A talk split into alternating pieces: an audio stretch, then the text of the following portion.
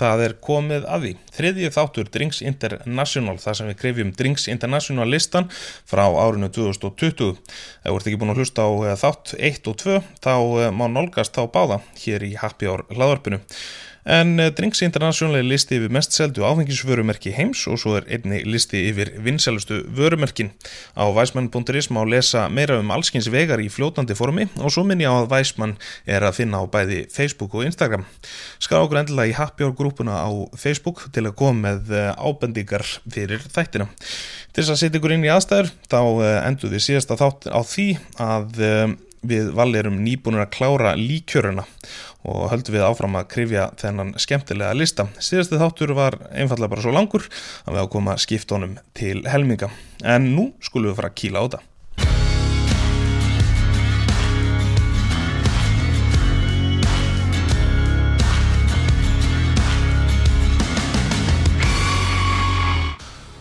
Ég eila bara nánast svona með sorg sem að kveða þessa kategóriu. Já, Þetta er ekki saman að því. jú, en ef ekki farið það kategóri sem er bara liggur beint við barþjóna sem, sem Alveg klálega. sem þurfa hérna að læra á það sem vilja læra á að balansa drikki og annað og nota vöru sem þarf rosalega lítið til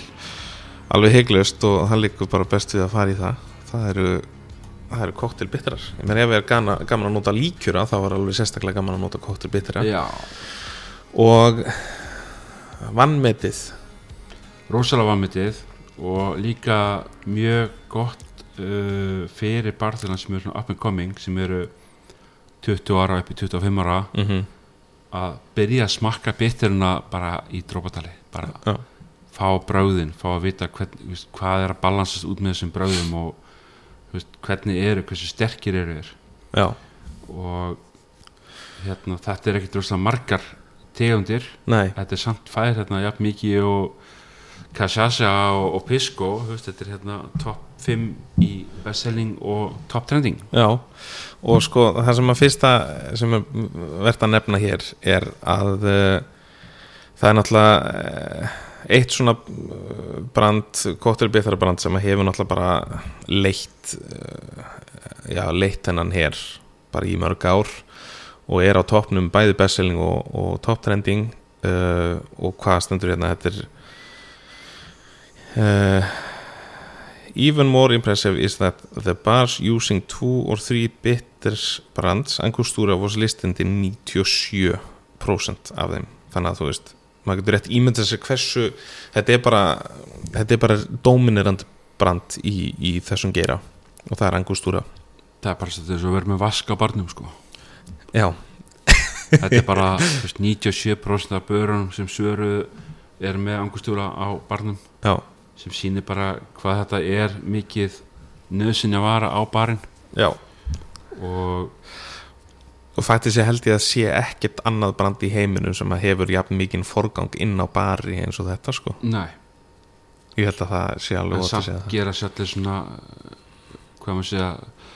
vera með auðarlega svipriði þegar að segja já, hvað er þetta sem kostar, okkur kostar okkur að köpa ykkur á litla flösku á fimmúðskall Já, já, nákvæmlega inn á barinn þannig að það gerir fólki kleift að gera alveg upp úr 150 koktela með þessum ein, einu flösku Já, þannig að hún nýtist vel heiklaust og, og, og til þess að fólk svona átt sig aðeins á því bara hvað koktelbittrar gera fyrir koktela og þá náttúrulega binda þeir brögð og spæka upp önnur brögð þannig að þetta er í raun tölvöld mikilvægt tráöfni þegar það á við þar að segja sko það er bara málið við þessa bitar sem eru til núna að- að öll þessi brögð líka er til þess að íta upp uh, brögðum sem hérna, ef þú notar festráðni svo notar áfengi og þá kannski vinnir það tvent saman en kryddiðurinn kemur í gegnum bitarna mm -hmm. og þá ítur upp bæði, bæði áfenginu og, og feskarháðinu Mm -hmm. þannig að ég allan að lærði mikið af því að í gamla daga að nota bitter og prófa drikkina með og án Mm -hmm. til þess að sjá munin og þá virkir það líka finnir svona hvar þú, úst, hvar þú vilt hafa, úst, ef þú vilt hafa kannski bitter en þú vilt ekki hafa eitt þess bara, eh, bara eitt dass þegar það er tvö eða jafnvel setja þrjú dass eða eitt dass í hristing og svo eitt eftir á Mhm. þannig að þarna getur við gert rosalega mikið að mismyndi hlutum og þetta svona rándar upp svolítið svona, heldur svolítið utan um heildar uh, bræðið á, á driknum sko Mhm. Herðu já, uh, angustúra það er, við erum búin að fara í það uh, sem að var sjálfgefið uh, Númer tvö í bestselling þá erum við með Pish Outs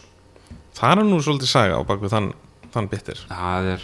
það er einn bara fyrsti bitum sem fór í kóttabækarnar Já, Jerry Thomas og félögum og þetta er bara við verið gert af uh, hvað að segja bara þú veist þetta er alltaf ef við horfum á Sazerac drikkin Einmitt. þá, þá er það Sazerac er einna elstu drikkinu sem voru gerðir þarna í bókunum og, og, og bitteri sem fór í þann drikk var Peugeot og þarna er bara, þú veist, ertu bara með uh, bitter sem bara er rosalega rík í sögu kottala já, og menningar bara þannig að þetta kemur ekkert á óvart að sé nummer 2 Nei, nei. á bestselling Því að Nákvæmlega. þetta er bara einmitt svipað þarna að þetta er bara bitter sem á að vera til upp á hillinni mm Og svo erum við með ákveðna bröðriðendur í, í þriðarsæti og það er nú það er nú fyrirtæki sem þú tekir svolítið uh, svolítið þetta vel eru bara góði félagi minnir Já. Stef, Stefan Berg og, og hérna hann Alexander Hawk frá Bitter Truth Já, þeir eru náttúrulega bara algjörir frábæri strákar tvei barþjónar frá Munich bara sem vildu þróa saman brauð og, og gera bittera fyrir hérna þar sem þeir fannst kannski ekki nóg mikið að við ræti til á markanum mm -hmm. og fóru að hanna bittera og, og bara störtu þessu hvað 2006 eða 7 já, og eru í dag náttúrulega bara rosalega mikið var í senunni já í, í, í krydd senunni þeir í raun og veru ég eru alveg svolítið svona þegar þetta allt verður gert upp eh, einhvern tíma 2050 að þá koma þeir klálega til þess að vera að spila svolítið stóna þátt í, í þróun þessara ég er Þessar með þess að ráða, sko. ég er með þess að bara býð eftir að þeir eftir að sko ég held að býð eftir að þeir taki yfir hérna í best selling annarkvort Peugeot eða Angustura já, á einhverjum tímúti því að Angustura var ekki að gera neitt í rauninni veist, eitthvað svona ekki markarshelfyrir neitt og þeir þurftu þess ekki Nei. og Bitru fór inn á markað til þess að skapa smá jafnvægi skapa smá eða, ójafnvægi skilur við, til Mhm. já, þess að já, gera hristans upp í hlutunum og hérna þannig að ég hef alltaf átt vonið að betri trú myndi taka hans yfir á hann lista, fara í annarsæti eða jafnveg fyrstsæti já, en það sýnir bara hvað angustúra er stert og hvað það er mikill uh, hugur í barþjónum að hafa angustúra svona, vera trúi sjálfum sér líka já, já, algjörlega og þeir svona hafa, einmitt það þurft að hafa lítið fyrir því angustúra að, að hérna halda þessum velli sko, það, það, er einhvern veginn- það eru svolítið eins og sjálfstæðflokkurinn það, er- það er alltaf ákveðinir sem kjósla nei, ég sé svona tek- tekur þetta Klip- það, er klippið þetta. alltaf, það er alltaf ykkur sem eru Trump átöndur sko Já, Og það er rétt. En hérna, já, en svo náttúrulega má líka nefna að- að betri trú, það gerir ekki bara betri að þeir til dæmis uh, fundu það út að, að hérna það uh, vantaði fjólulíkjur til þess að búa til einn þekktasta koktel heims, Aviation Mm, þannig að þeir hendur bara í eitt slíkan já. og hefnaðist rúslega vel hefði líka mjög, bara, og, og hérna þeir eru með sko uh, þeir byrja að gera nokkra líkjura þú veist, gera, gera pimento dram já, gera hérna uh, uh, falernum falennum, golden falennum svo hendur í hérna illi, eldifrá líka sem Já. er hreitt eldifrár Já. að meðan að- að meðan að hérna Saint Germain er ekki hreitt eldifrár til Já. þess ég man ekki hvað hitt ráðin var en, en ég er alltaf að geta mitt pitch að selja eldifrár hjá bitið trú var að þetta var hreitt eldifrár meðan að Saint Germain var það ekki mm og hérna svo er það líka með rom þeir eru með tíkirom já, ok sem byrjar að framlega sem heitir Tiki Lovers og þar ertu með eitt annars rom sem bara fer í bein- beina samkettni við Plantation Pineapple, ha, plantation já, bara, eh, plan, P- er það P fyrir hand nei, Plantation já, plantation já, Já. Uh, annars romið þeirra einmitt það er bara nánast ef ekki bara betra já, frá þeim Já. í, í Bitruth en Bitruth strákarnir hafa verið að hérna þú veist uh, að gera líka mjög skemmtilega hluti þeir til dæmis gerðu uh, hérna bitter þar sem að þeir fóru í uh, í fyrsta bitteri sem kom fram í í, hérna uh, bókum Mhm. uh, Jerry Thomas og þeirra og þeir fundu á uppbóði já, flösku uh, sem þeir kiftu hann vil aldrei segja mér hvað hann kiftu hann á hei en hérna þetta er sem sagt uh, flaskan sem er og hönnur líka eftir uppruninu flöskunni ok, sem er bókartsbitterinn emitt, já og ég maður þegar ég smakka þetta hjá þeim í fyrst skipti þá settu þau bara eh, lítið dass bara af uh, það sem bókartsbitter bara í glas settu smá sódavatn Já. og það var eins og ég var að drekka Coca-Cola hvað er það að segja? Já. magnað, þannig að uppskriftin er þeir sem sagt, tóku bara síni úr flöskunni sem keftu á uppbóði Já. þessari 100 og veit ekki hvað, 120 rakamur flöska eða Já. eitthvað og þeir hérna tóku síni gerði bara svona test hvaða bræðu var í henni og þeir hönnuðu svo bara uppskrift til þess að fara eftir þessum bitter magnað og þessi til, bitter er til hjá Kaliká mm? hún er ekki ódýr Nei. en er algjörlega frábært þess að prófa einmitt og er þessi bitter til þess að gera hérna átt farið þessar uh, original Einmitt, recipes já. drikki þá er bókarspittin alveg tilvæðinni það fólk verður líka að gera sér grein fyrir því að, að sko, þó að flaskan kosti einhverja þúskalla þá, þá ertu bara að telja í dropum sko. Já, þú ert alltaf með sko, þú ert alltaf með lámark 150 drikki í einni flösku já, þannig að þú veist, þú telur drikkina með flöskuna þá ertu ekkert komin í rosa mikið pening nei, þannig að maður þarf að hugsa svolítið svona til lengri tíma til það en bitir trúð því alltaf með einhverjar 12 tegundir held ég af biturum Já. og og held ég mest 15 tegundir þegar það var mest sem mest sko. já, þannig að þannig að ég allan að er mikill bititrúð maður og það er kannski reynsir ekki ég ætla að vara að vinna með þetta vörumerki og, í mörg ár og, og þú Og- þekkir, þekkir og þekki strákana vel og, Já. og hérna, alltaf þegar ég hitta það og það er alltaf gott knús nema kannski næsta og verður bara verður bara, já, bara skálað já, nákvæmlega en Herðu, ekki að fara í fýbra þess næst, jú, í fjórasæti algjörlega, það er til á Íslandi líka já, og sko uh, Pissjáts er til á Íslandi eða ekki Pishouts er til núna Já. út af því að þeir eru undir sama framhjöldu fyrirtæki og Buffalo Trace eða mitt sem er í kringum Sazerac kompanið já, og þá er henni kom Pishouts bara, held ég bara með já, Buffalo Trace þegar það kom, þannig að það er til í Kalaká ok sem og bitur trúð og svo ertu með fýbrar að sjá drikk Já. og þeir eru náttúrulega með besta safni af óafengum biturunum já, þar sem að ef við viljum þetta bitra til að spæsa líka óafengadrykki já, það er held ég sé alveg krúsalega til líka Já. og, og svolítið svona undiscovered Já. hjá mörgum uh, skemmtileg lína og það er hérna uh, þú veist, það eru til ótrúlegustu bitrar þar já, þú veist, uh, walnut biturinn er til dæmis í uppáldi á mér þar já, alveg geggjaði bitur frábær í einmitt drikki eins og old fashioned eða eða hérna uh, hérna Manhattan og svona einmitt til þess að hérna svona herja á önnubröð þar já, eitthvað sem ræði við, við, hnit, uh, við Walnut mhm valnitur Það er svo er að finna sætið, það er Bobs já, Það þekki ég ekki neitt ég hérna Bob Spitters hef ég hirt um og ég hef séð á áður þetta er svona litla svarta flöskur Já, og þeir eru með bara mjög skemmtilegt konsept og ég hef ekki ég held ég hérna smakkað sem tjáðum sko en og þeir eru frá Breitlandi Já. þannig að hérna það væri gaman að sjá þeir eru nú bara með nokkur skemmtilega þeir eru með lakkirisbittara og lavendir og, og þetta er skemmtilegt ok Difford Daiquiri bitters Já, margarita bitters þannig að það getur verið skemmtilegt að prófa svona hygglust Ef við hendum okkur í top trending já, þá heldur Angur Stúri að það er velli eins og áður uh, sæði en uh, þarna sjáum við að Bitið Trúð kom upp í annarsæti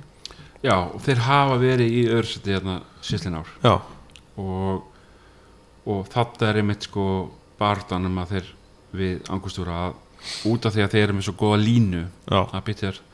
og gera það vel að móti angustúra hefur bara einhverjar núna þrjár tegundir held ég já,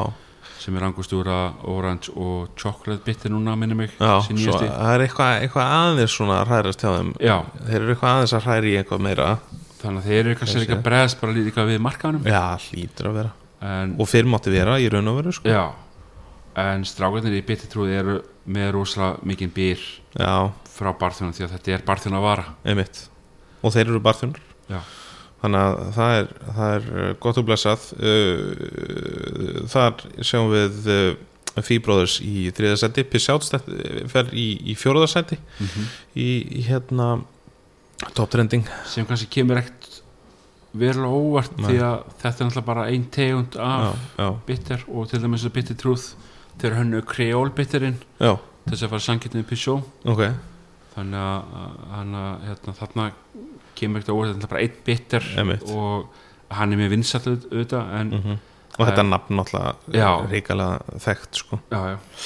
Svo finnst mér gaman að hún vinkona mín eh, Lauren Mót er komið með sína betra, betra sling herri, er hún, er mót með Ah. bittersling? Já. Já, Ná, hún, þetta er þá verið nú kan, kanadíski betra, hún og maðurinn er að gera þetta hann er kokkur og þetta er uh, ég, ég myndi ekki mjög gaman að sjá að hún sé komið með þetta í, í fimmtasæti því ég man nú bara þegar hún var að koma hérna á vegum vörklass kemnarinnar og, og lega okkur að smakka þetta og þetta er,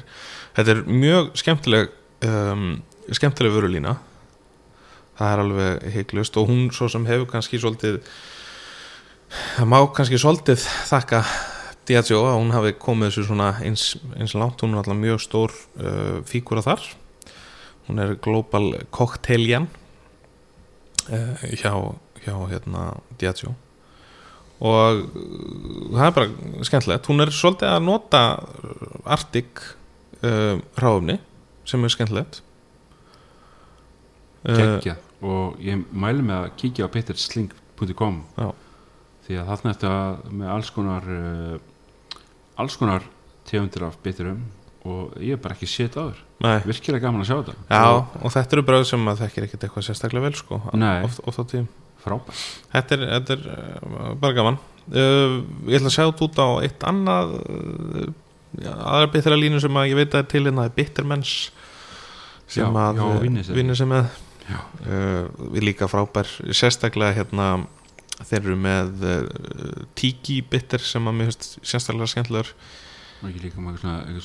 svona móli, svona spicy Jú, svona, jú, Já. jú sem er ríkara góður Já, það er alveg það er mjög skemmtilegt þannig að þú veist, það, það er svona í fljótu bræð það sem að uh, ég man eftir að er til í bitrum hérna heima og bitur sling pff, á einhverju tímabúndi þá geti ég ekki ímynda mér annað en að þeir verði hér og eru jafnvel bara einhver komið með þá sko sannlega kannski bara ölgerinn líku beinast við sko Ah, Já Herðu, ok þetta er virkilega skemmtilega kategória og, og gaman að sjá hversu mikið vægi þeir fá á hjá Drinks International Þú veist, Já. þeir eru að, að hérna þetta er svo mikið faktor í, í barþjóna heiminum mm -hmm. og þetta ætla- er það sem þetta snýst allt um þetta eru vörur sem barþjóna er að velja inn á barni hjá sér Mhm. þannig að bara frábært við mælum með að kíkja á þessa bitar línur líka bara á, á .com Algjörlega Herrum, ef að henda okkur í næstu kategóri já sem er sherry Sherry er náttúrulega bara er ótrúlega hvað er búið að komast inn í barþjóna heiminn undanfærin ár Já. bara í alls konar stíl á drikkjum og, og bara þú veist, heres hérna, Sherry er bara eh, fína og dræ og, og bara þú veist, þetta er með ólíkitum hvað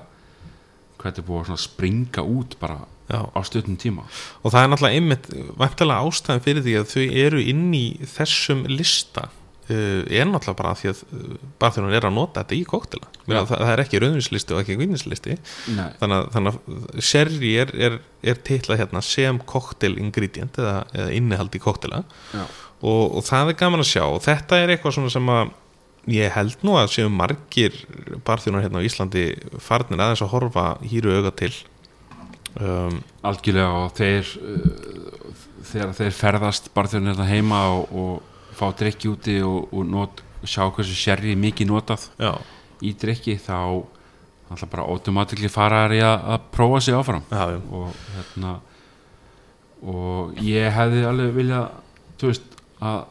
geta ferðast á sín tíma og sé hvað serið var lítið nota á þeim tíma þegar ég var en nú í dag er þetta bara allt hana já. upp á tenninum sko Við erum svona svolítið ennþá að, að, hérna, að ríti skofra þetta hérna heima um, fyrir mörgum þá er seri bara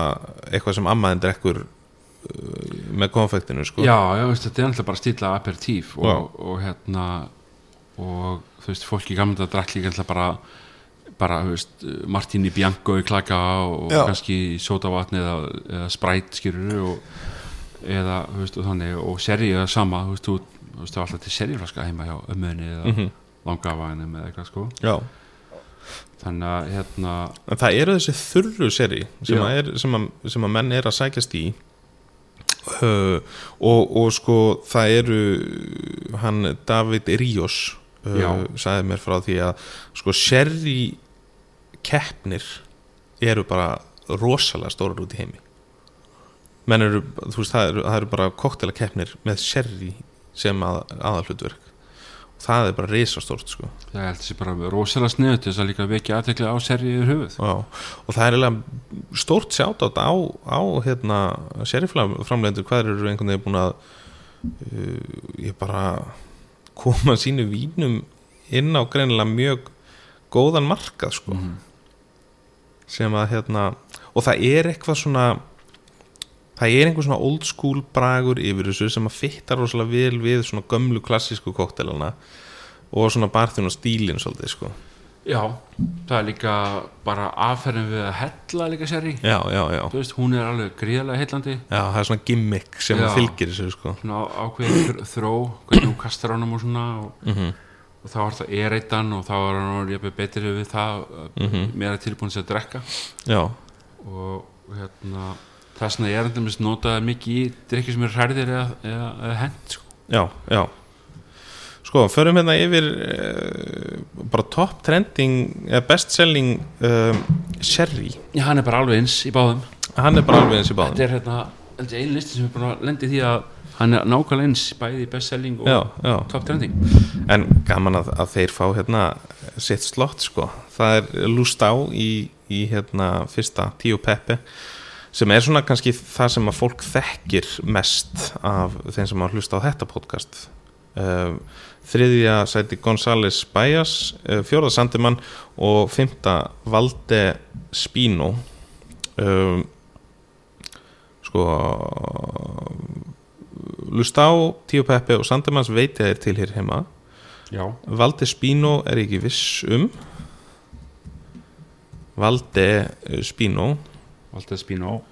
Nei, mér finnst það nú ekki vera til Nei, ég sé að sé Lústa á Tíu Peppe og Sandemann sem eru til hennar heima. Já,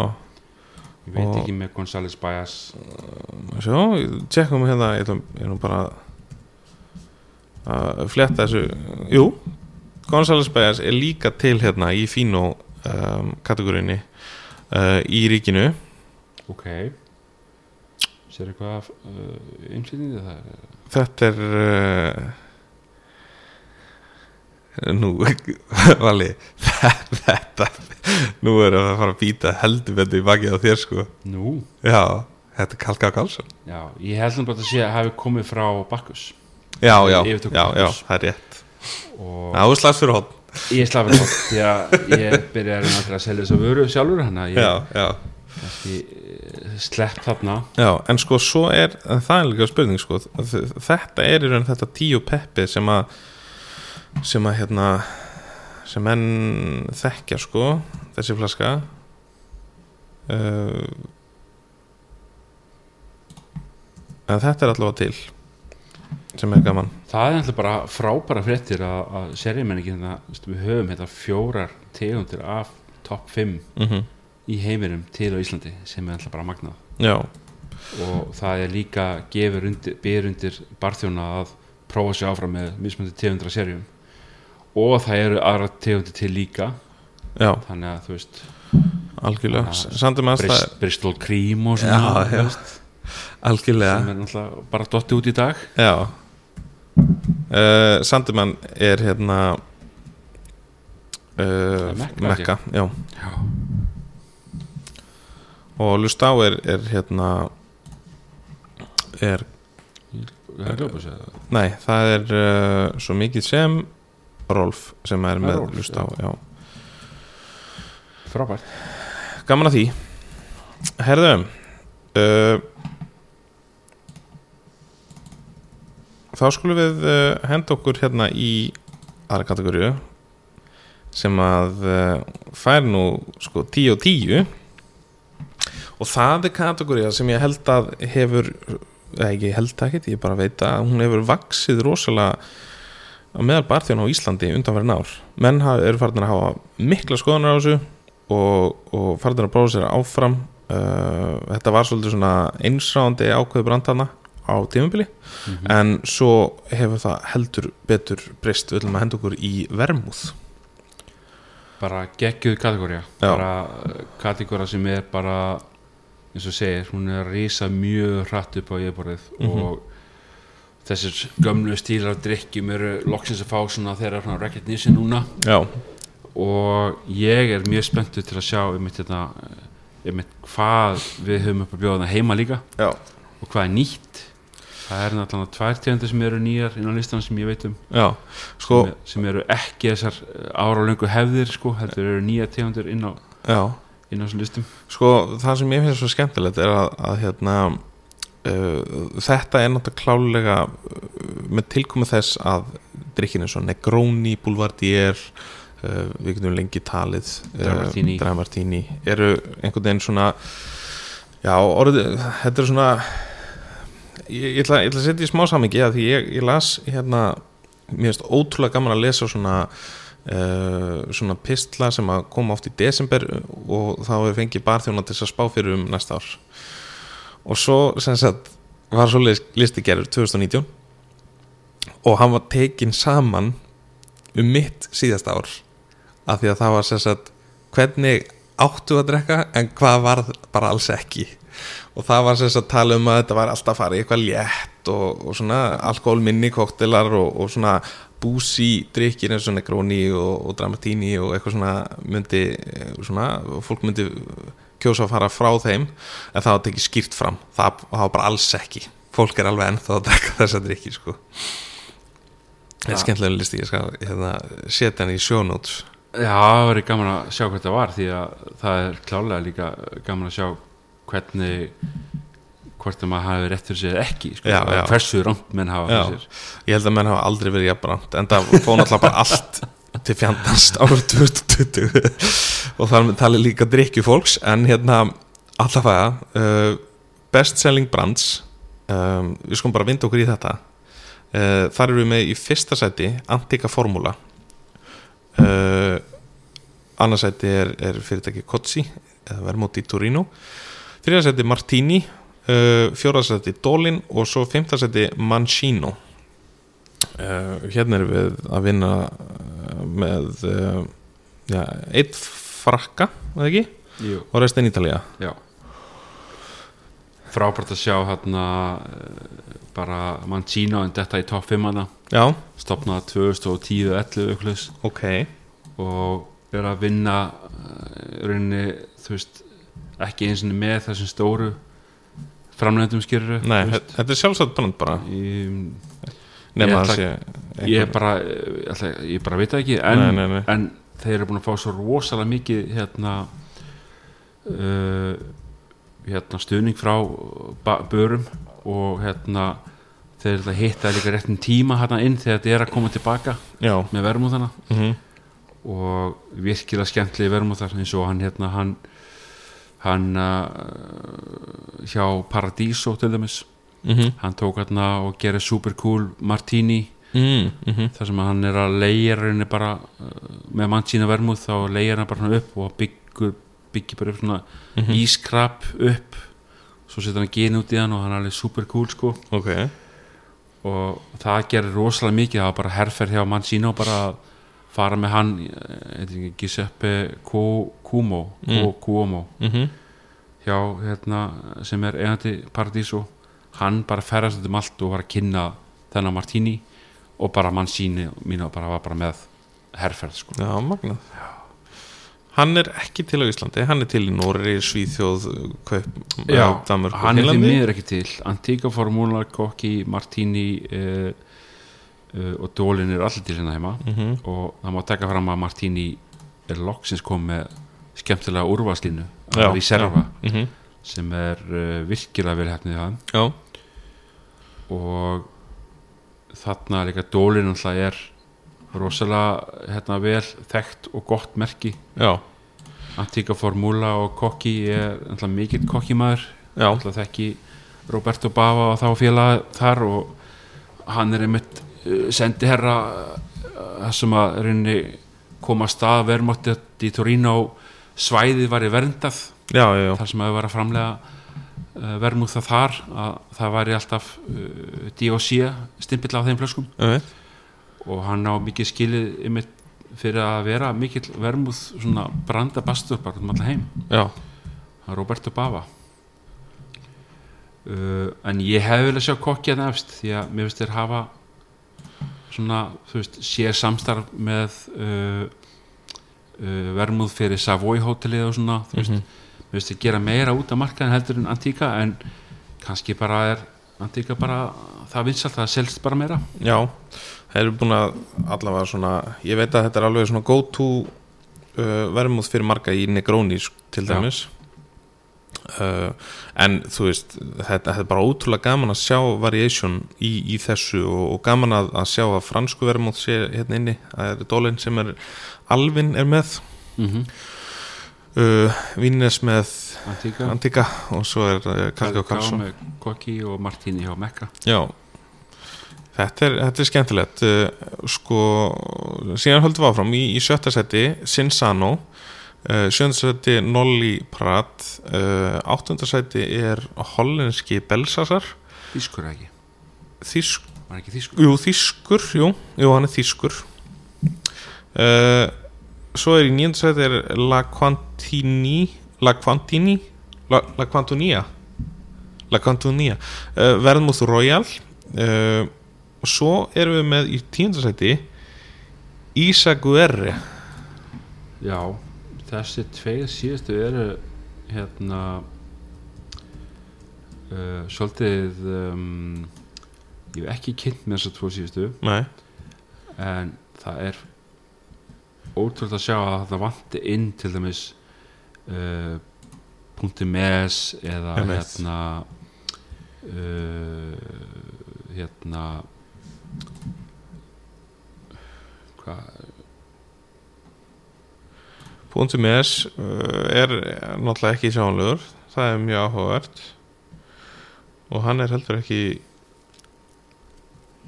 sko Sinsano eh, hefur nú verið til hérna Já, Sinsano var til hérna á ármaður Já. var til með sjá Kalaká og ég man að ég nota Sinsano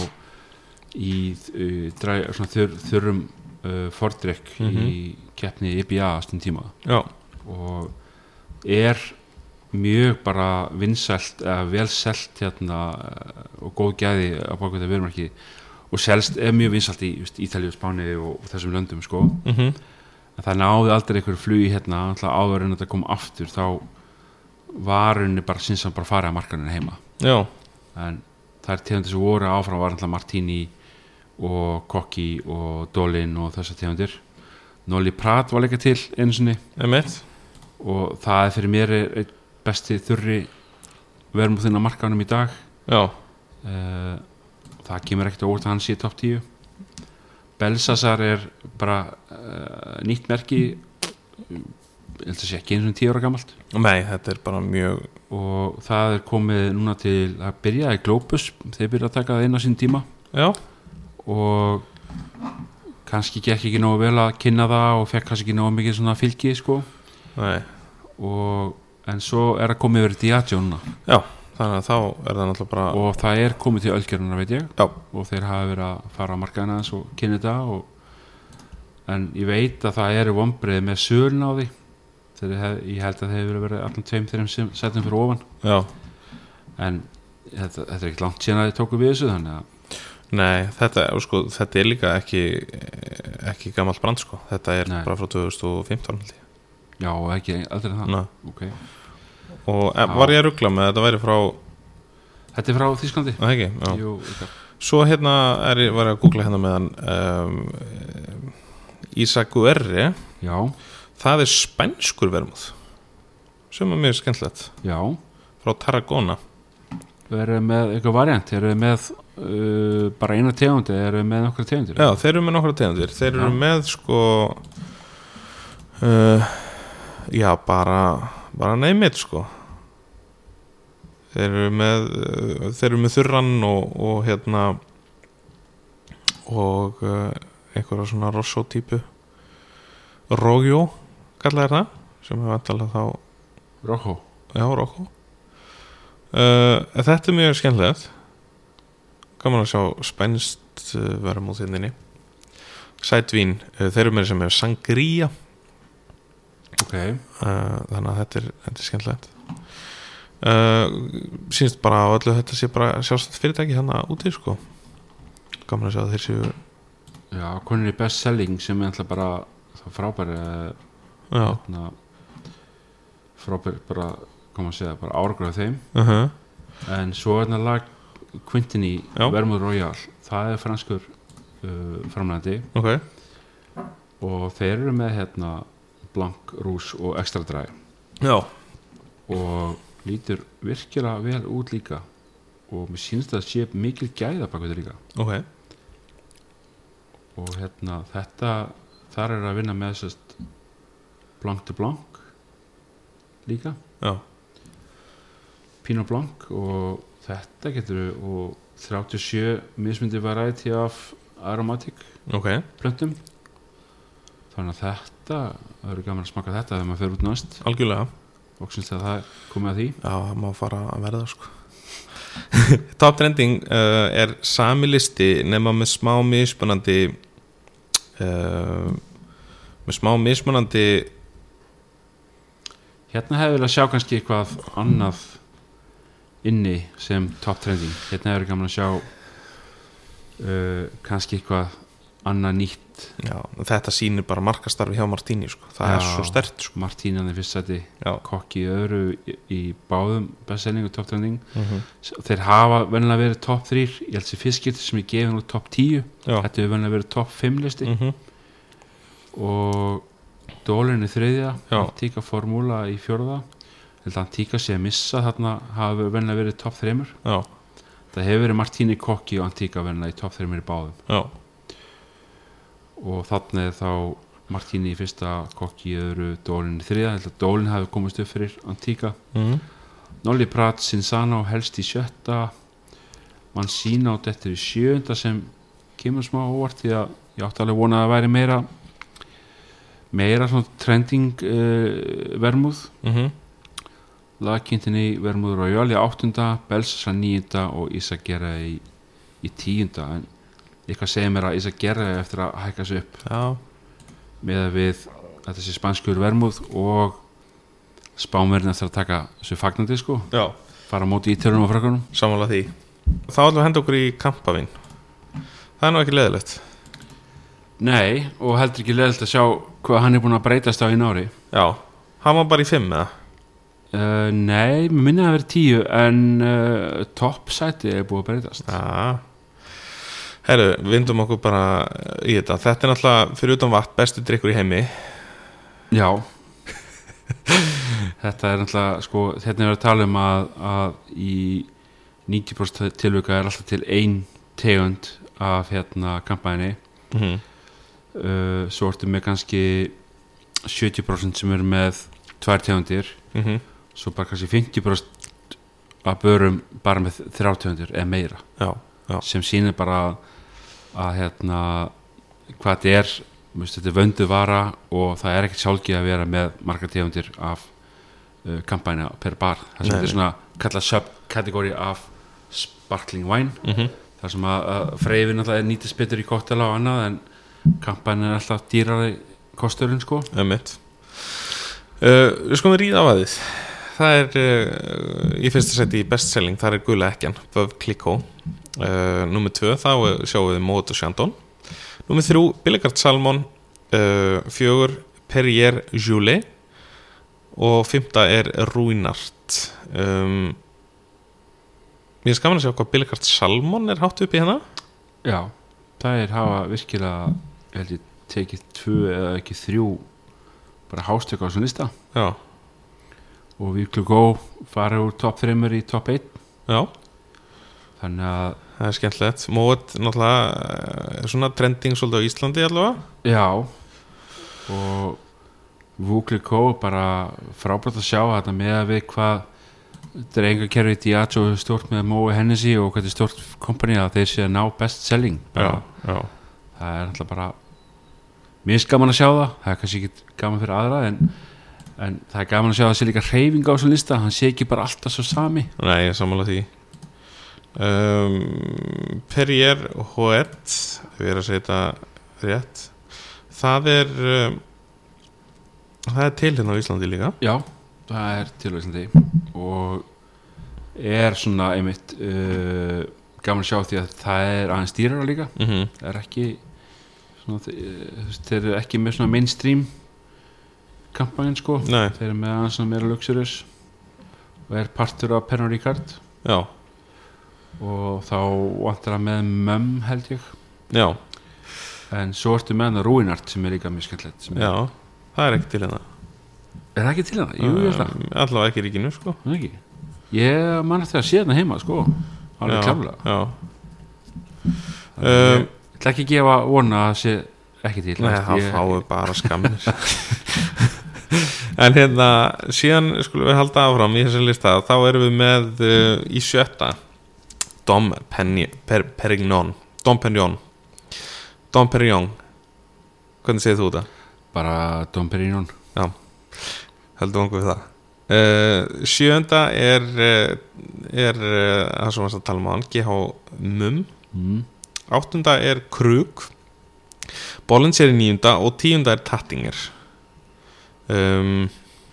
Það er allt hérna til á Íslandi já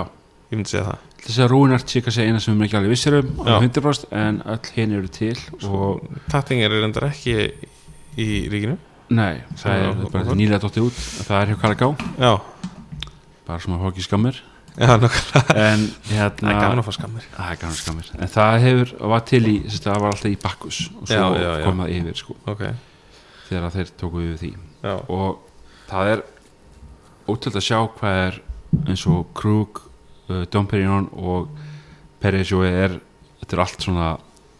þú veist lux, luxury kampavinn Já, já. dýrarkantinum uh, Algjörlega. þetta er ekki 6 til 9 skona kampan þetta er allt 19 upp úr já, í yngöfum nefnir og það er bara frábært að sjá hvað það er að seljast vel og er að halda sér inn á svona listum Já, þetta sé ekki bara þessi kestlu þannig að þetta eru alltaf premium uh, listar líka, já, það má ekki gleyma því algjörlega uh, Þetta er áhugavert eitthvað svona sem kemur á óvart hérna í bestselling nei, það er kannski jú, kannski bara hvað bólins er neðalega Já, ég er sammálaður þar ég kannski eh, átti vona þeir voru aðeins hær á listanum Mér- með að við að þeir eru einmitt uh, veist, með stóra vörlínu þannig að Já. hérna, Já, ég er samanlega því, mér erst svona áhugavert kannski bara þarf að fara að gefa út nýja James Bond myndi eða eitthvað, já klálega, Er það ekki? Jú. Herru, þegar hún loksins kemur út hérna, landi. ja, út um allt bara það var að fyrir við í top trending um, Þar uh, heldur vöflikó sér í fyrsta sæti uh, Bilgard Salmon og Móit skiptum pláss uh, Bilgard upp í annað og, og hérna, Móit í þriða mm. uh, Rúnart er hérna komið í, í fjórðasæti í top trending og svo er Dompinjón í fymta uh, eh, sjöttasæti Peri er uh, Hjól Júle Krug í sjöunda Mum áttunda Bollins í níunda og svo erum við komið með hérna Kristalinn með Kristallin sko Lois Roderer Louis Roderer Já. þetta er alltaf bara En eru þeir að meina kristallkampæn hér eða eru þeir að meina bara standard uh, uh, kampaðinir því þeir eru náttúrulega með það líka sko. já, ég hugsa að þetta sé bara línan Er það ekki? og, en örglega meira kristall, kristallflaskan með, Já, með hérna, standardkampæni já, já, máli er að, að, að hérna, gimmiki hérna að- að trending dæmi er náttúrulega allt gerur þetta kristallkampænslöskuna glerið já. Sko það meira sér hægt að kaupa uh, Louis, uh, Louis Roder uh, í ríkinu já, um, þannig að þarna er allt til hérna heima Já. uh, nema þessu rúnar sem við nefndum og þarna er Tattinger ekki á top trending Nei. og Lúi Róður kemur í staðin í tíunda Bollinger helst í stað Já. og Rúinart og bara eins og Billikar Salmón að þeirra yfirtakarna Mói Sandón í, Já, í top trending er, það, Það er, er bara- stort sko það er ísastort Já Og eins og ég segi uh, Birgard Salmón Þetta er allt til hérna heima Ég, veist, sko, ég, ég er alveg svolítið svona Birgard Salmón maður Eða ég er svona sem bara kampæðismæður já, en það er líka frábært að sjá eins og kampanins félagi sem var þarna með kampanismakki á Hilton hótelinu og já, já, hvað þeir eru að taka inn einmitt ekkit endilega bara þess að helstu tegundir þetta er líka tegundir sem hafa verið, verið að koma nýjar inn síðanum árum já, og það var mjög vinsalt smakki hafa mér í desember og hvort það hefur verið að eitt í nóvember líka já, og hérna vonandi halda þær áfram að, að kynna þetta því að það er gríðarleg uh, góð mæting í þetta og mikil áhugi hann að bara sjátt á til þeirra sem eru að að sjá um það já. uh, er nokkuð meira hægt að segja um þetta ég meina ég uh, mist bara skrítið að sjá að, að Móes er búið að droppa báðan sætunum Mm bæði bestselling og, og top trending sko í ár já Ég segi bara finnið ykkur tilefni og kaupið ykkur kampæðin sko. Já.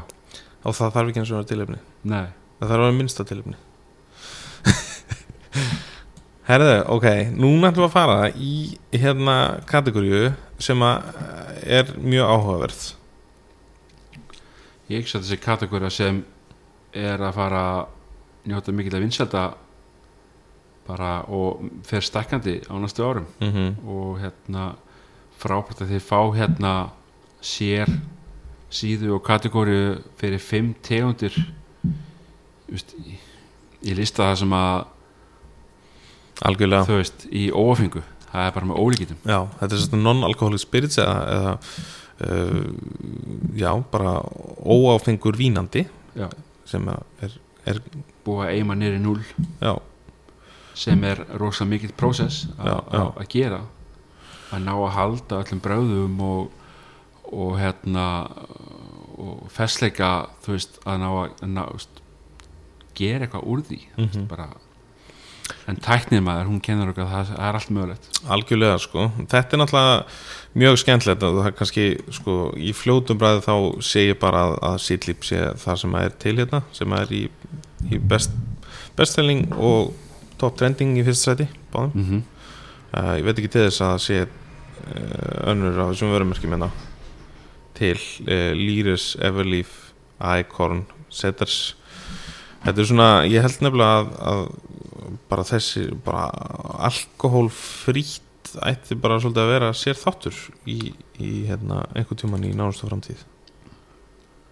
ég hugsa að sé ekkit úr vegi að, að gera það einmitt já,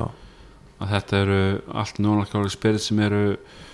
mismyndi framleittir og vantilega með jafnvel, uh, þú veist uh, mismyndi botanicals eh, hráðni og kryddjurtir og fókusera á, á mismyndi brauð og, og hérna sítlip hefur verið að nota svolítið mikið með spice og fyrir gin og tónidrykki og svo er hérna lýrs með dry London spirit og svo hérna spurning með þú veist, þú ert með þarna þessar fimm bestselling og það er allt já uh, svipaðir ofengir vínandar en samt þú veist, mismöndi en þeir, ég held að þetta sé svolítið svona svolítið svona genotónik based þetta Já. sé nota með einhverju uh, góstrekki eða, Einmitt. eða límonaði eða annað til þess að ná fram úr ákveðinu bræði algjörlega sko og mikið einmitt svona, svona gain substitute sennilega eh, sem að finnum hérna á þessum lista sko já, Við förum yfir, yfir þennan einhvern tímann einhvern tíman setna og kannski bara ennþá meira um óafengt en top trending já, þá ertu með sítlef líka fyrst að já, og Acorn það það sem er í fjórðarsætti í, í bestselling er í öðru sætti af því að það er og það ég sé að hérna, það er uh, sýstur fyrirtæki sítlip já, þannig að þeir eru kannski einmitt að hérna að, með aðra bragð uh, hérna uh, kategóri þar mhm Vist, ég bara er ekki búin að kynna með hana vel ég hef heyrt um Three Spirit sem er þriðasæti já, í topptenning og það er uh, uh, þetta er mjög skemmtilegt koncept Everleaf er í fjórðasæti en uh, var í þriðasæti bestselling og svo er að Fera Gaia sem er í fimmtasæti sem ég bara hef ekki heyrt um já, og þetta er eitthvað sem ég á eftir að kynna mig betur líka bara því að þetta er í rauninni bara allt premium vörur já algjörlega þetta er, s- fyrir gæja er skost já, uh, já veistu að ég held að ég held að við þurfum bara hreinlega að, að, að hérna komum bara aftur með með hérna einhvern sér þáttum um þessar þessar kategóriur uh, þegar við erum bara búin að lesa okkur svolítið til hana Þetta er ekki sem já að því. ég hugsa, ég hugsa að sé og ég held að vera bara mjög áhugavert sko. Já, og það er sko síðlega byrjaði alltaf að koma þetta svo mann ég eftir að fengið pröfu frá okkur fyrirtæki uh, að hljómaði svo hérna, tannkremsfyrirtæki sem ég fekk ekkert, og fekk hans vínanda sem pröfu já, og hérna það var virkilega gott það var bara mjög skemmtileg uh, bragð uh, flóra þar og, og hérna ég hugsa að þetta sé bara kategóri sem var mikið inni því að, að fólk vill einmitt uh, fá þessi bragð þó að þessi getur eitthvað vín algjörlega sko og þetta bara hjálpar til þess að búa til að því óafengi koktelar í Íslandi eru oft allt og sætir, allt og súrir en þetta býr til einhvern svona kompakt Já, og, og býr til einhvern svona grunn til þess að byggja á sem að er náttúrulega í raun og veru spýri í koktelum sko algjörlega þannig að þegar hann vantar að þá, þá vantar ofta eitthvað til þess að um, koma með þessa fyllingu sem hann þarf til þess að búa til rúnað og gott bræð Já, um, en sko, við höldum okkur í óafengu en við ætlum samt sem að fara í eitthvað sem að fólk hefur alveg töluverið skoðanir á og, bara líka mikla vitneskju og, og tilbúið að kynna sér undanverðin ár er, já, já, bara getið nota þessar vörur, sérstaklega hérna þegar á að velja sér gott gin og svona algjörlega við erum sjálfsög að tala um tónik og það er nú gaman að segja frá því að að það er nú ekki langt síðan að hér var bara eitt brand uh, alls ráðandi á markaði sem að um, sem að hérna breyttist síðan fljótlega þegar fóru að koma ginn áhugi hjá landanum og uh, núna eru já, nokkur, nokkur fyrirtæki á Íslandi uh, tónik að, að fram að hérna flytja inn uh, hágeða tónik Já, uh, bestselling í tónik þar eru við með uh, Fever Tree já, það er mér sem villar þinni já, sem ég veist alveg magnað Já, þetta er eitthvað annað fyrirtækin að Fevetri sem er kekað Thief, Þetta- Thief Tree Fever Tree það er greinlega einhver, einhver, einhver sýstu fyrirtæki frá Fever Tree sem- sem að- þetta er alveg magnað að sjá þetta Já, okay. þetta er já, Thief Tree Já. sem hefur verið á þessu lista undanfann ár já, nummer eitt og það kemur ekkert á óvart að þeir eru ennþá nummer eitt algjörlega sko og í öðru sæti þar eru við með uh, það brand sem var nú lengi vel bara eitt á markanum hér sem er uh, Sveps og það er svolítið skemmtilegt að segja fyrir því að þeir eru konum með eitthvað svona premiumlínu Já, sem að, sem ég er byrjað að nota sjálfur já, og það er til dæmis Crisp Tonic sem er Premium Tonic frá já, þeim já, og Cucumber Tonicin líka já, sem er komin til landsins og er til sölu og ég er mjög hrifin af krisptónum, hann er mjög skemmtilegur og uh, það er erfitt að, að, hérna, að vera með hann og fólk svona, ah, svert maður, hvað er þetta að gera með þetta drullu mall sko já, en þá er ég að nota líka tækifært þess að kynna hann, þetta sé premium tónik og, Mhm. Já. þetta sé nota á mörgum helstu flottustu kottustunum í heiminum já. þannig að hérna, ég vil bara segja bara big shoutout á Sveps að, að hérna að svara markanum sko. Já, en málið þetta er ekkert nýtt sko. Þetta Nei. er búið að vera til, held ég, alveg í 10-15 ár Þetta hefur bara aldrei verið markað hérna heima að flytja inn áður já, ok, Þannig að, þú veist, ég mann alveg fyrir tíu árum að fengi með sveps premium bara á okkur um hótebar Mhm. ykkur stær úti en, en hérna, maður vissi bara ekkert að Ísland væri þú veist, það væri bara ekkert að fá þessa tónikengar til landskir Nei. en það er náttúrulega bara fyrsta sem fólk hugsa þegar það heyri sveppstónik, það er bara gul plastflaska Já. það er bara þannig bara einhver tónik í partíð Já. þannig að þeir eru komin með premjulínu hérna heim það er ástæða fyrir að ég var ekkert inn í gen og tónik fyrir fyrsta 2012 sko það var bara fyrir fyrst að drekka fyrir alvöru Já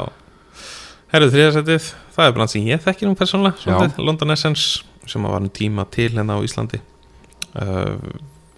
Mjög skemmtilegt tónikun alltaf búið að er það ekki til lengur? Nei. er alveg horfið að markanum eða? Já, það fór út aftur ok, um, Það um, átti ekki erindin sem skildi á þessum tíma víst uh, og hérna, en er að gera góða hluti út í heimi og, og ef þið farið einhvern tímann að ferðast þá hýklust smakkið þetta mjög svona létt og, og gott uh, búin til úr, úr essensum sem sagt, bræð essensum uh, sem, er, sem er gott og, og blessað uh, fjórasætti 3 cents Mhm. ég hef aldrei heyrt um en hefur örgulega séð einhvers þar og 5. sætti Fentimans um, 7. sætti Thomas Henry 7. East Imperial 8. sætti tónik sem myndir 1724 frá Ítalíu Já uh, Nýjunda Q-tonic sem að maður hefur nú séð uh, víða, uh, ég held að bandaríkja Já. markaðar sé mjög Nei. mikið þetta já, það er í bandaríkmarkanum og tíunda er Brittvik um, Hér eigum við alveg nokkur vörumirki á Íslandi Já og mér finnst gaman að segja frá því að, að 3 cents til dæmis sem Já. er uh, minnum við frámleitt í, í, á Greiklandi Já, uh, ég hérna hef alltaf farið að hitta og kynnt mér á því að þeir eru að gera mjög skemmtilega hluti og, og skemmtilega brað og hérna það er til dæmis eh, eru með bara mjög góð gæði og hafa verið að gera rosalega góð hluti já, og mér finnst bara miður að þetta fyrirtæki hafi ekki náð hingað til hans Já. og ég hef alveg sko þegar við vorum að leitast eftir Tonic Company hérna í Galaká þegar við mistum uh, Thomas Henry yfir Já. til Ölgerannar þá hérna vorum við að skoða þrísends en málega bara að verðmuninu var struktúrinu var svo erfur Mhm. stundum er bara að maður þarf kannski stundum að hugsa að premium kostar bara hans meira Mhm. en það var erfitt á þessum tíma að fara inn í premium uh, tónik verðin sko já, þannig að hérna ég hérna uh, gerir bara sjátt á það sem vilja s- prófa þetta að alltaf kannski að flytja inn tónika nýja að hafa sambandið á því að þeir hafa áhuga komið til Íslands ok alveg klárlega Já, og annarkvort er þetta ég er svona að reyna að muna því ég man að ég var að tala við grískan mann hann Dimitris minnum mig mm. og þetta sé frá Gríklandi kannski þetta framleitt í Englandi, ég veit ekki alveg ég er bara ekki alveg þetta er bara staði ég, ætla, ég ætla að nýta að taka verið hérna og sjáta á hérna 1724 já, sammála því þetta, þetta er eitthvað sem ég verið til að skoða hérna já, þetta, ég skoða þetta með snorra já,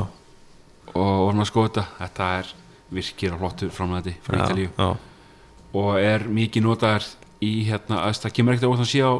bestselling því að hann er mikið, uh, mjög vissall á Ítalíu og Spáni og uh, meðrahafinu Mm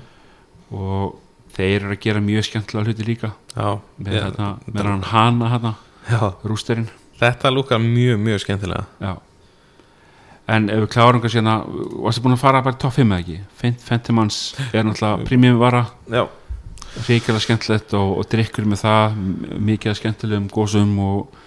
og svona úrvölun líka af bröðum mm Thomas Henry í sjötta sæti frá Þýskalandi og þeir eru bara svakalega sterkir í Európu Mhm. East Imperial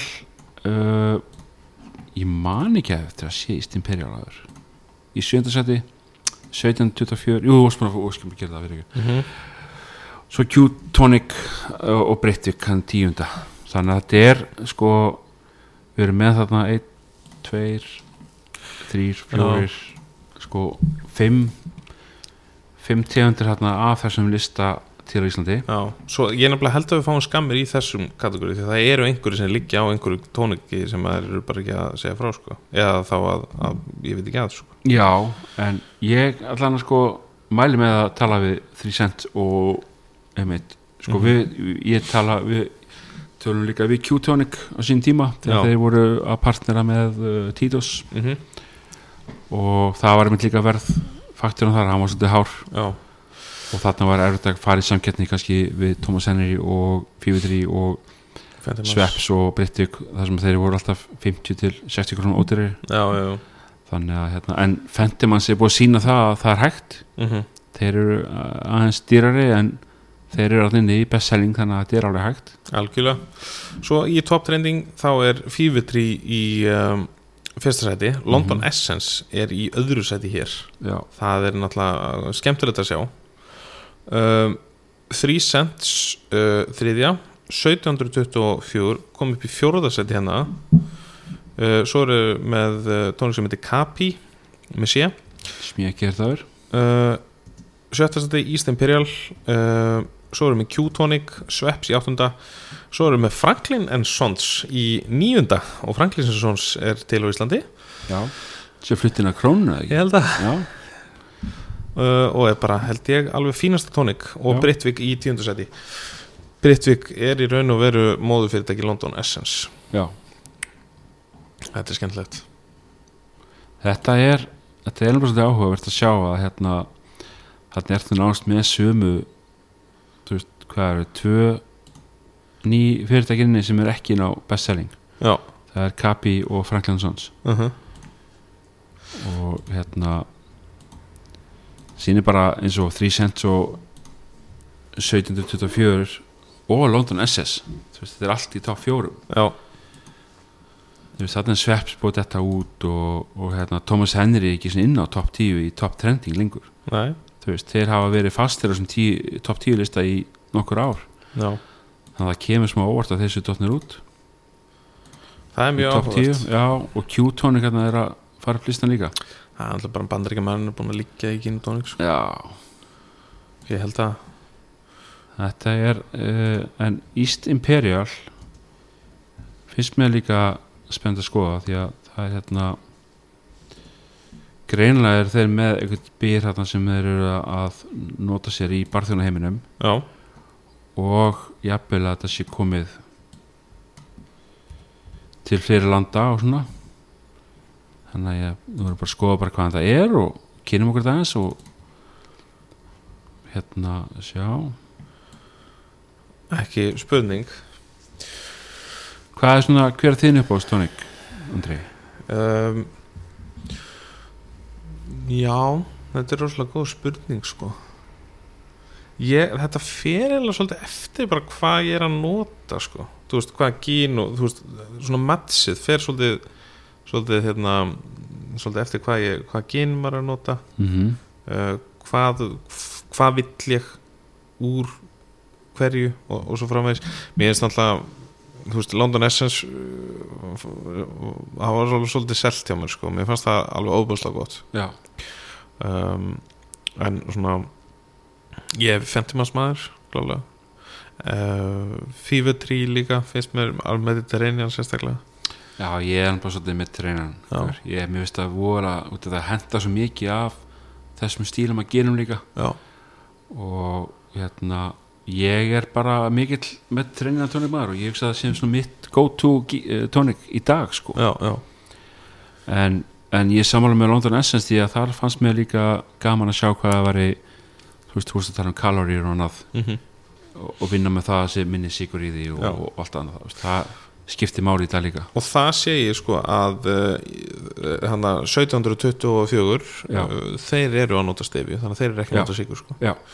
og það finnst mér strax alveg mjög mjög áhugavert sko. ég mani við smökkuðum þetta hjá þeim og við vorum mjög hissa hversu góð gæðin voru með þetta verið stefju bara, sko, mm Mhm. stefju hráðnin sko. það er bara magna hvað, hvað menn eru komin langt í því sko. já, og það er klála framtíðin þannig að og, og, og svo er náttúrulega má ekki gleyma því að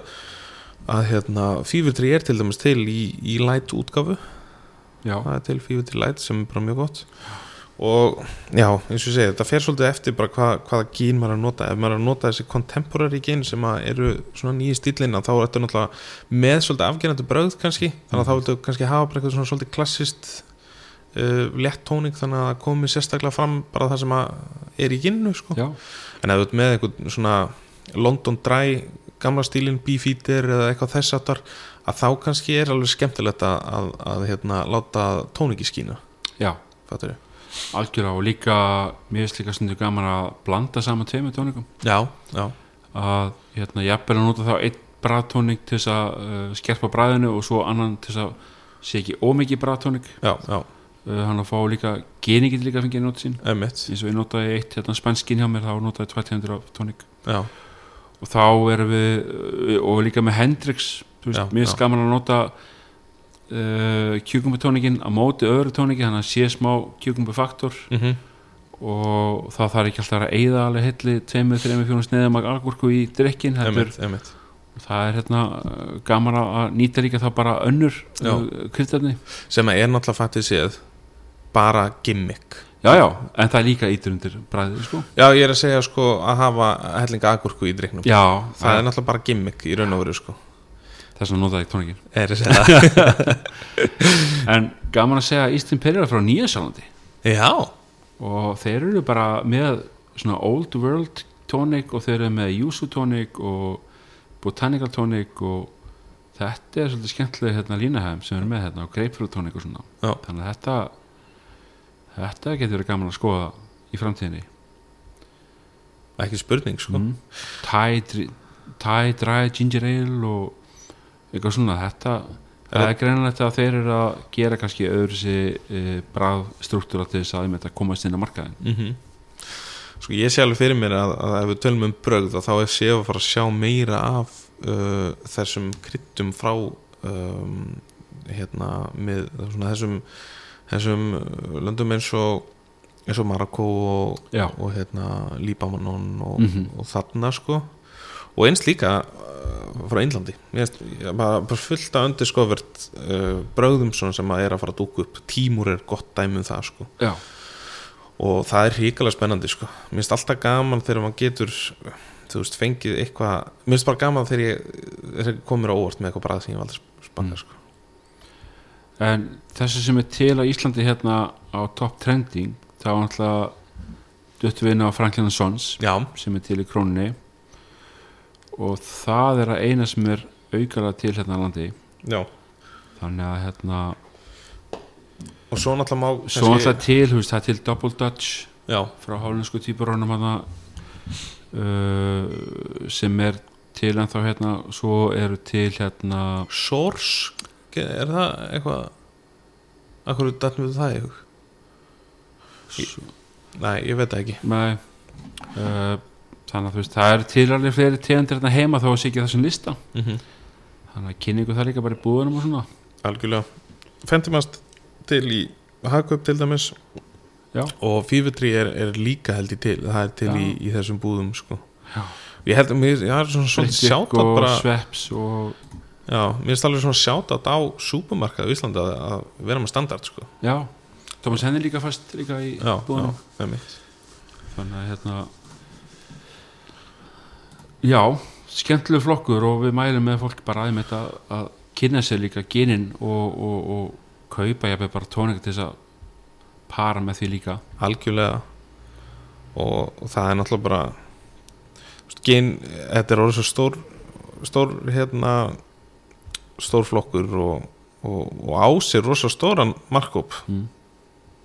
það er ekki nokkuð spurning og, og þá er kannski við hæfi að fara í sem sagt uh, mest uh, notuðu spýra í heimi og þar er einmitt uh, gen á tómnum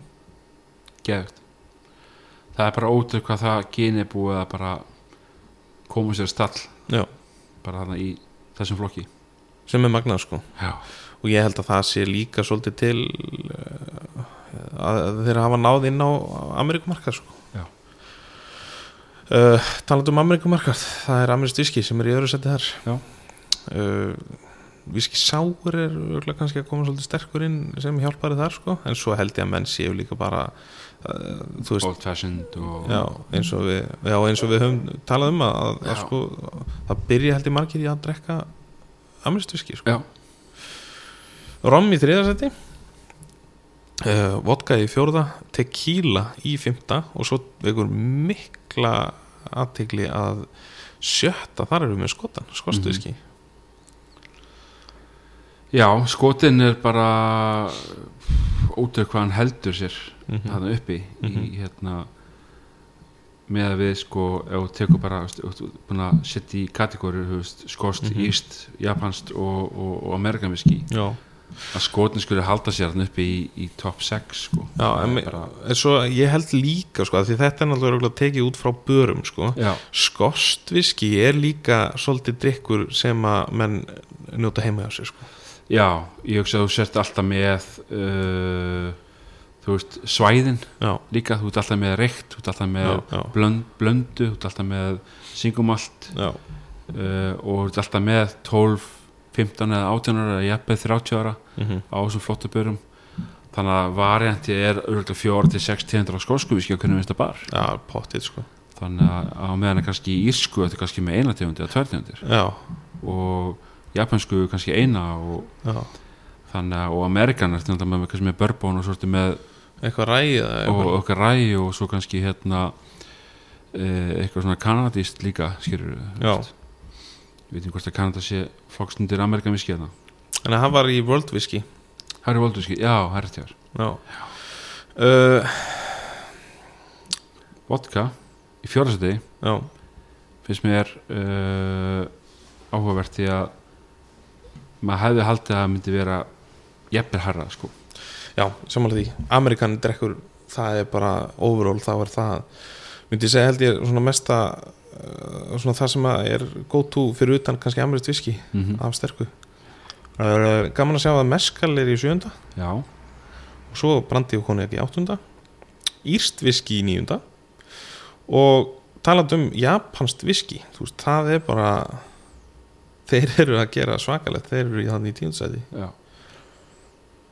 og, og mér er sérstaklega gaman að sjá að, að hérna að viskið hans konung McGregor komst ekki í top trending, það finnst mér skemmtilegt það, já það, það, það getur ekki verið hver sem er sem getur sett ykkur að vera á markaðin og Nei, haldið að nákvæmlega virki Já, að ég er alveg sammála því mér finnst stundum líka vant að það megi vera kannski það er alltaf orðslu þannig að, að influencerar eru notaðir ekki bara í íþróttum eða líka uh, bara þú veist, uh, samfélagsmiðla influencerar eru notaðir til að st- setja öðru á markað mm -hmm. fótballtamenn eða annað og, og hérna, mér finnst það ekki alltaf endilega rétt, mér finnst oft skipta máli að að hérna, þú veist, þú ert að hugsa um consumption í að neytandin, almenni neytandin taki við því, mhm. en svo er alltaf svo mikið sala sem fyrir fram á börun, já, já, þú veist þeir sem er að virkir að vinna með vörun á markanum og kynna hana fyrir gestum og svona þeir fá meiri hérna, kikkaði að segja þetta sé frá þessum barþjóni sem er þarna og gera þetta út af þessum hlutum heldur en að vera með eitt fótballamann sem fronta bara vöruna og, og, þú veist, og þar eru neytindin alltaf bara þú veist, 25 og upp úr að meðan Mhm. að krakkarnir og, og úlingarnir líta miklu upp, meira upp til úlingarna heldur en já þetta er fjötanir sko Ég er sammála því Herru, við ætlum að enda þennan þátt á uh, áður en við, áður en við förum í hérna síðasta liðin að þá ætlum við að segja okkur því að við ætlum að taka upp annan þátt sem að er að í lokin af þessum lista þá eru sem sagt 50 uh, vinsælustu koktelar heims og við ætlum að taka sér þátt uh, fyrir það Og það er líka nefnt þess að hvaða tegundir, hvað eru tegundir af áfengi sérst, uh, sem menn kjóðs að nota já, í þá drikki. Já. Þannig að þú veist, ef það er einhver viskidrykkur þá nefnum við þá tegundir af viskijum sem eru vinsalust. Í þá drykki. Já, hlæga til að taka þannig Já, það eru geggjað og jafnvel að hérna að, já, þú tekur sléttu og ég tek óttatöluna. Já, og þá uh, tökum smá research og förum líka yfir sögu drikkjana, algjörlega hvaðan koma og, og hvernig kom til jafnvel og, Já og hérna, það verður skemmtilegt. Það verður mjög skemmtilegt Við viljum að henda okkur hérna í lokin í Bartender's Choice sem er svona í raun og veru kannski svona stærsti listin af öllum uh, í þessum lista eða svona, þú veist, þá eru við algjörlega búin að taka svona stærstu vinnirina þannig séð og og fyrir okkur sem barðunum alla og þar í fyrsta seti Þetta múin að finna það? Hvað Þetta er á, síðan? á fyrst, fyrstu, fyrstu síðinni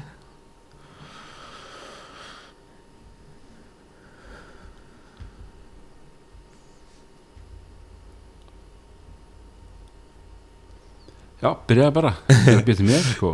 Ok, í sem sagt Bartender's Choice í fyrsta sæti, þar er Plantation það er go to rommið uh, sem að, sem að hérna, barðunum nota uh, það er náttúrulega geggjað Það er bara, minnst bara verðskuldað Já, með að við hvernig þeir hafa komið sér fyrir uh, á meðabarþjóna í heiminum Já. hversu vel þeir nálgast markaðin á réttan hátt og mér finnst þetta bara mjög ánægt að sjá að plantation sé að planta sér þarna í Já. fyrsta seti samanlega því, öðru sæti þar erum við í amerísku viski og það er Miktes uh, hástu okkur ásins alveg klálega sko og gaman að segja frá því að, að hérna, það er sama fyrirtæki sem flytur þetta inn þetta, þetta það er báðar þessar verður til á Íslandi það er Rolf sem er með Plantation og, og Miktes uh, þriðasæti uh, þar er hérna, þar er Gin það er Tangurei Mm. áhæfvert að, að, að Gin sé í þriðasæti að meða við það að mest selta af, að mest used spirit er Gin sko já, það kemur á orð en, en Tanguri tekur, tekur þann titil uh, fjórasætti Del Maguey með skall það er meskal og uh, fimmtasætti er Ocho sem er tequila tequila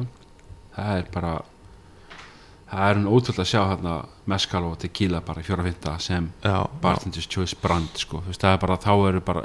verið að kjósa bara hvaða brand myndir velja inn að bariðin og þetta er bara fyrstu fimm tegundir sem menn segja bara uh, sem þeir vilja hafa á barnum sínum já, það er gaman, gaman fyrir Mexikanana uh, sjötasætti þar erum við annar róm það er Bacardi uh, alltaf risabrand mm. þannig að uh, það er svona auðljóst að, að og gaman að sjá að, að hérna að það er uh, já, þú veist, það er bara greinlega greinlega mjög vinsælt á- meðal barþjóna og bakkandi leikast í keppnin hefur öruglega hjálpað til svolítið þar Já, alveg klálega og, og loksins fengur hann hinga heim til Íslands já Sjöndsæti er Monkey 47 alltaf geni sem hefur bara skotist upp á stjórnheiminin mm. uh, áttundarsæti Campari Campari er uh,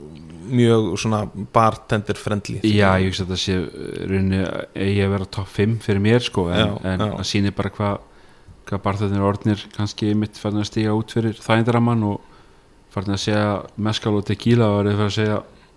líkjur mm Það er sjálfsögðu þetta að vera einhver vodki hérna inni og það er Ketel One sem verður fyrir valin í nýjöndsæti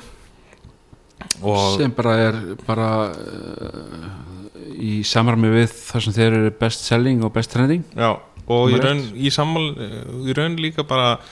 kemur ekkert á óvart því að Ketel One er, er einstaklega svona bartender friendly uh, vörumerki gerir margt fyrir barþjóna og, og vinnur mikið með barþjónum uh, Ketel One frá Hollandi uh, síðan er Japanina sjálfsögðu, það er Nikka í tínsæti auðvitað það þeir þurfti að vera það líka en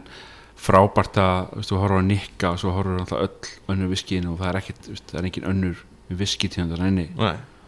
uh, jú, alltaf bourbon viskið mikters en, Já. en það voru að tala um kannski þú veist, svona, einmitt, uh, af öllum hinum löndunum og það sem er til af bröndum það mm Mhm. þetta sé alltaf rosalega mikið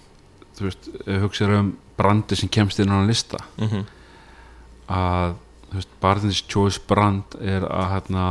þú veist, tangar er búið að vera tótt feimur síðan 2012 eða eitthvað já og þú veist, nú er búið að íta því út fyrir bourbon mm sem hérna, ég held að plantation að vera fyrst þess að því fyrra líka, ég Já. minni það Já En Miktis er svona kannski vinnirinn svolítið hérna á þessu Já, lista. ég hugsa að þeir sé að, að koma sérna á lista og verða á sérna lista svolítið tíma núna Mhm, þannig að það er spurning hvað gerist en mér finnst bara frábært að sjá skemmtilega tegundarninni sem uh, margar eru bara til þarna heima líka Já. þessi er bara allt til Já Og hvað hvað kemur á óvart sé ekki af það? ég, Svo fyrir uh, Johnny Já, Walker ég var að fara að segja það. Mér finnst það svona svolítið áhugavert Já, sem, uh, sem viski kategória og, og þá fannst mér það svolítið svona skrítið mm Mhm, uh, jafnvel hérna uh, já kannski einmitt eitthvað frá Pernur Ríkard eða frá Diageo líka, meira mhm, -hmm. þannig að þetta er, þetta er gaman að sjá að, að það er ekki allt svona multi-corporation að bakvið þetta þetta eru nokkur, nokkur tegnd sem eru byrjuðu litlir en eru partur af þessum dreifingralum en, en hérna svo Monkey 47 og Oddjoin mhm. en þetta er, já þetta er mjög skanlega góðu listi Heldur betur og við kvetjum líka bara barþina um þetta að prófa að taka inn eitthvað sem vörur sem eru barþindis choice mm Mhm. þetta sýnir að þetta eru vörur sem virka og eru vinsara líka Algjörlega Herðu Þá eru við eiginlega bara, bara komnir með þennan lista búin að fara yfir þennan lista Þetta, þetta var skemmtilegt já frábær listi og, og hérna og, og núna í rauninni þetta ár kannski gefur meiri rétti mynd á sölu heldur en þegar það var gefið út í núna í ár Mhm. þá er tekið á 2020 og, og það er, var mjög held ég erfitt fyrir á að ná þú veist, ykkur svona samræmi í sölu og, og top trending því að margir bari hafa verið lokar á árinu og gríða erfitt ár fyrir veitingabransan og, og bari út um allt Mm mhm. -hmm. uh, sérstaklega núna Já. og við ætla hvetjum fólk til þess að fara núna hérna heima og uh, verða alltaf það reglur sem er í gangi á stöðunum Já. við erum að vinjast til þess að hafa opið og það sem er opið að, að við erum að gera okkar besta og við ma- bara mælum með að fólk fari út núna og prófi staðin að það er alltaf að fara til reglunum og við erum að sjá að, að veit ekki er að ganga mjög vel Já, og, og það eru nokkru hóti bara óttnir en, en hérna við endilega hvetjum fólk til þess að prófa staðina og halda þessu gangandi algjörlega ha. Herru, þá ætlum við bara að segja þessu lokið uh, hérðan frá Aldamót bar um, en endilega tekkið þið síðan á, á næsta þætti uh, sem að við tökum upp og þá förum við í koktelana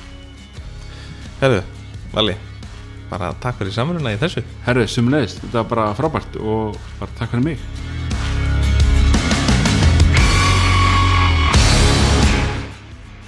Þá er þáttur númer þrjú á enda og listin tæmdur, eða hvað? Já, möguleg ekki. Þetta er búið að spinnast út í heila seríu, þetta Drinks International ævintýri, fór úr því að vera einföld yfirferð sem átti að gerast í einum þætti sem tók aðeins lengri tíma en eh, við gerum okkur báðir grein fyrir fyrir ykkur sem hafa haft gaman að þessu sem er væntilega þeir sem eru að hlusta á þessu orð, annars værið við væntilega búin að slökka á þessu, þá vill ég segja að eh, við valli erum ekki alveg búnir með listan. Við eigum nefnilega ennþá eftir að fara yfir 50 vinsælustu koktela í heimi. Það krefst eh, smá heimavinnu og höfum við ekki hugmyndum hversu margir eh, þeir þættir verða á endanum, örgulega bara eilífiðir. Við erum hins vegar mjög spenntir að hefja standa og hlokkum mikið til að deila með ykkur sögunum að bak við 50 vinsalistu kóktila í heimi. En þangað til ætla ég að benda á væsmann.is þar sem má lesa meira um vegar í fljótandi formi og svo er væsmann að finna bæði á Facebook og Instagram. Skráðu ykkur endilega í Happy Hour grúpuna á Facebook til að koma með ábendingar fyrir þættinum. En þangað til næst, væsmann out.